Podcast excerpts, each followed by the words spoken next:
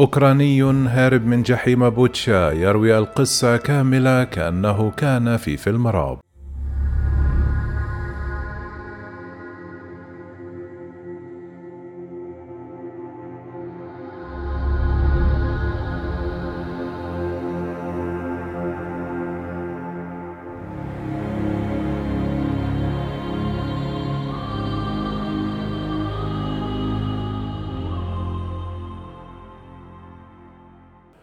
في السادسة من صباح اليوم الأول من الغزو الروسي الرابع والعشرون من فبراير المنصرم وبينما كان شيفتشينكو البالغ من العمر ثلاثة وأربعون عاما. يتطلع من نافذة المطبخ في شقته في الطابق الخامس. من مبنى يطل على مطار جوستميل في الضواحي الشمالية لمدينة بوتشا الأوكرانية. رأى ما يقرب من عشرون طائرة هليكوبتر روسية تحلق في الهواء ويقفز منها مظليون إلى داخل المطار. كانت هذه هي اللحظة التي بدأت فيها الحرب في بلدة بوتشا الواقعة على بعد خمسة وثلاثون ميلا شمال غرب العاصمة الأوكرانية كييف والتي سرعان ما أصبحت اسمها مرتبطا بأسوأ الفظائع التي ارتكبتها قوات فلاديمير بوتين في أوكرانيا.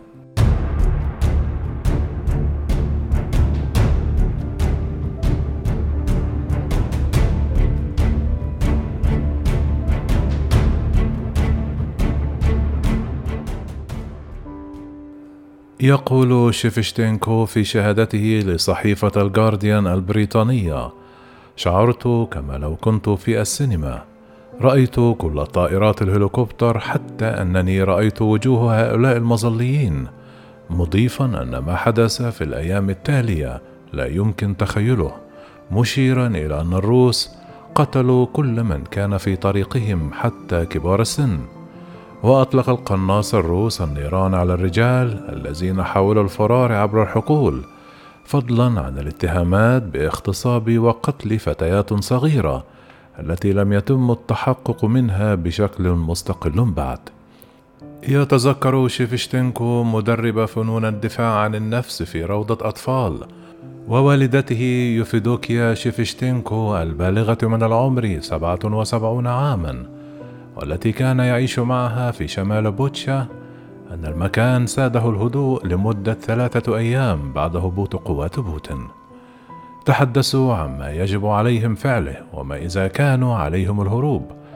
أولئك القلائل الذين قرروا المغادرة في اليوم الأول كان ينظر إليهم من قبل غالبية أولئك الموجودون في البناية التي يقطن فيها شيفشتينكو على أنهم يبالغون في ردود أفعالهم. لكن الأحداث التي جرت بعد ذلك أكدت أن تلك الساعات الاثنان وسبعون الأولى بعد بدء الغزو الروسي كانت مجرد وهم. رأى شيفشتنكو ومن معه الروس في اليوم الثالث عندما حدث تبادل إطلاق نيران حول بنايتهم بين القوات الروسية وبين قوات دفاع بوتشا الإقليمية. يقول في البداية قررنا البقاء لأنه لم يكن لدي أي مكان آخر أذهب إليه، ولسنا بهذا الثراء حتى نغير حياتنا تماما في يوم واحد. وفي اليوم الثالث أدرك شيفشتينكو أن الوقت قد فات على الهروب، لأن الحرب كانت تدور حول منزله في الشارع. كانت هناك دبابات تسير في شارعه.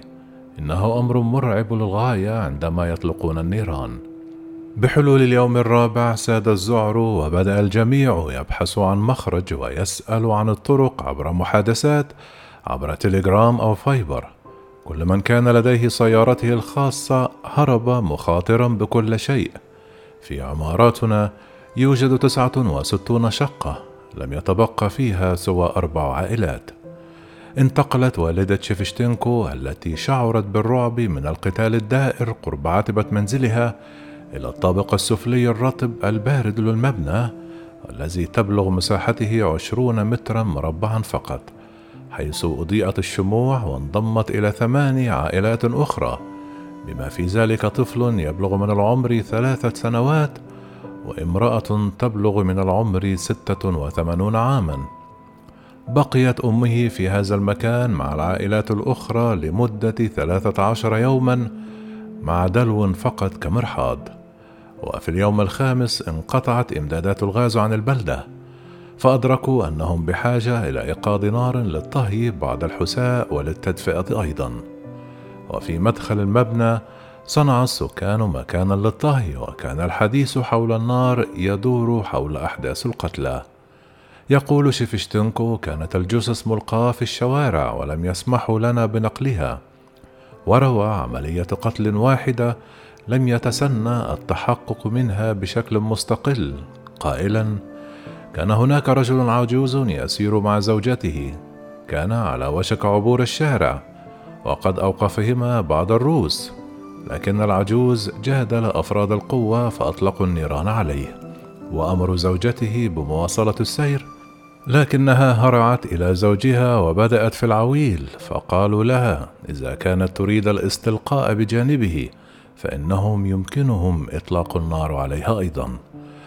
ويضيف أخبرتهم المرأة أنها بحاجة إلى أخذ الجثة لكنهم رفضوا وأمروها بالاستمرار في السير فواصلت وهي تبكي مشيرا إلى أن ذلك حدث على بعد ثلاثون إلى أربعون مترا من منزله.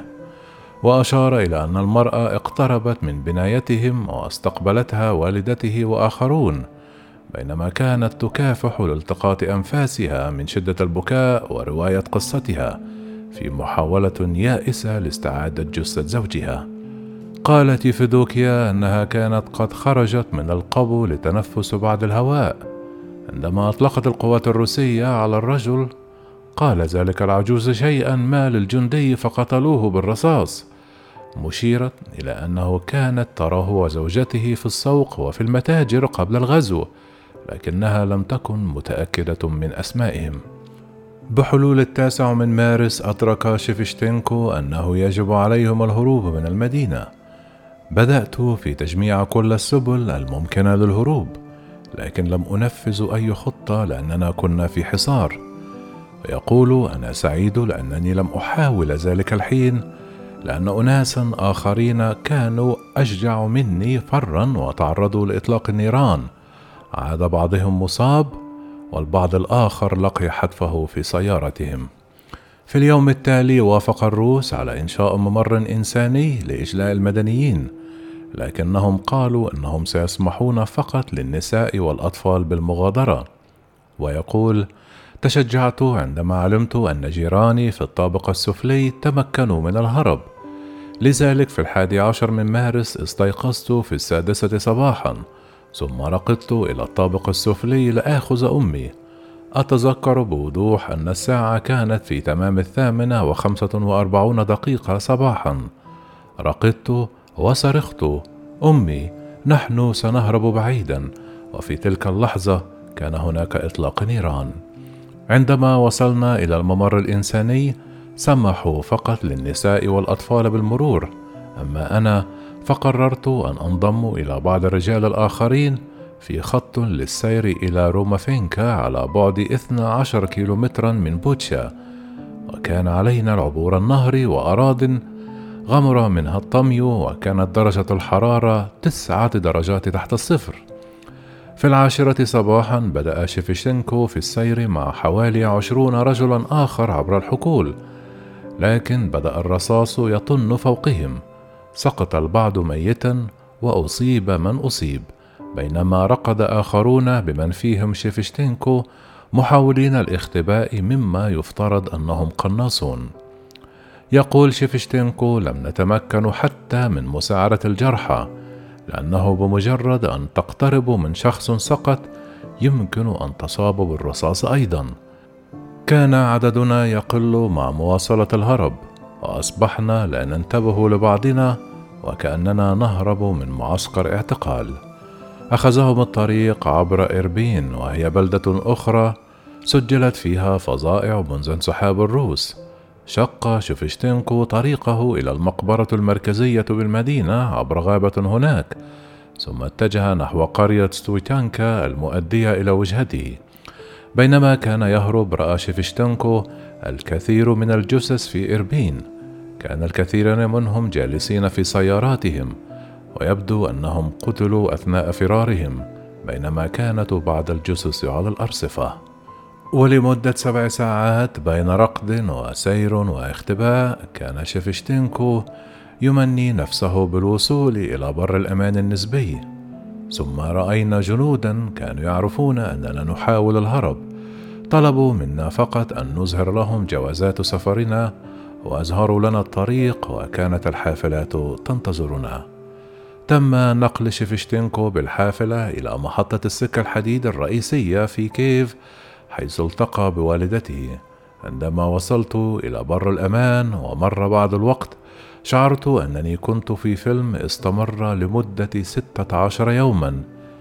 فكيف بمكان على بعد خمسة عشر كيلومترا من بوتشا أن يكون هادئا هكذا؟ إلى أن ربط علي شخص ما على رأسي قائلا لي لقد نجوت.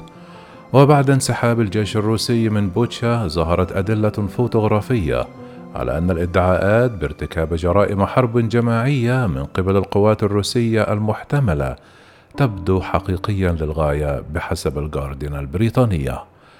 ونشر الجيش الأوكراني الأحد لقطات لما بدا أنها غرفة تعذيب في قابو مع ثكنة في غرفة مجاورة وتم العثور على صف من الجثث مقيد الأيدي خلف ظهورهم. يبدو أنه تم إطلاق النيران على رؤوسهم بينما كانوا جاسمين في مواجهة الحائط. كما عثر على مقابر جماعية تضم 280 جثة في أنحاء المدينة بعد الاكتشاف الأولي. وقال رئيس بلدية بوتشا أناتولي فيدروك أن كل هؤلاء الأشخاص قتلوا بالرصاص.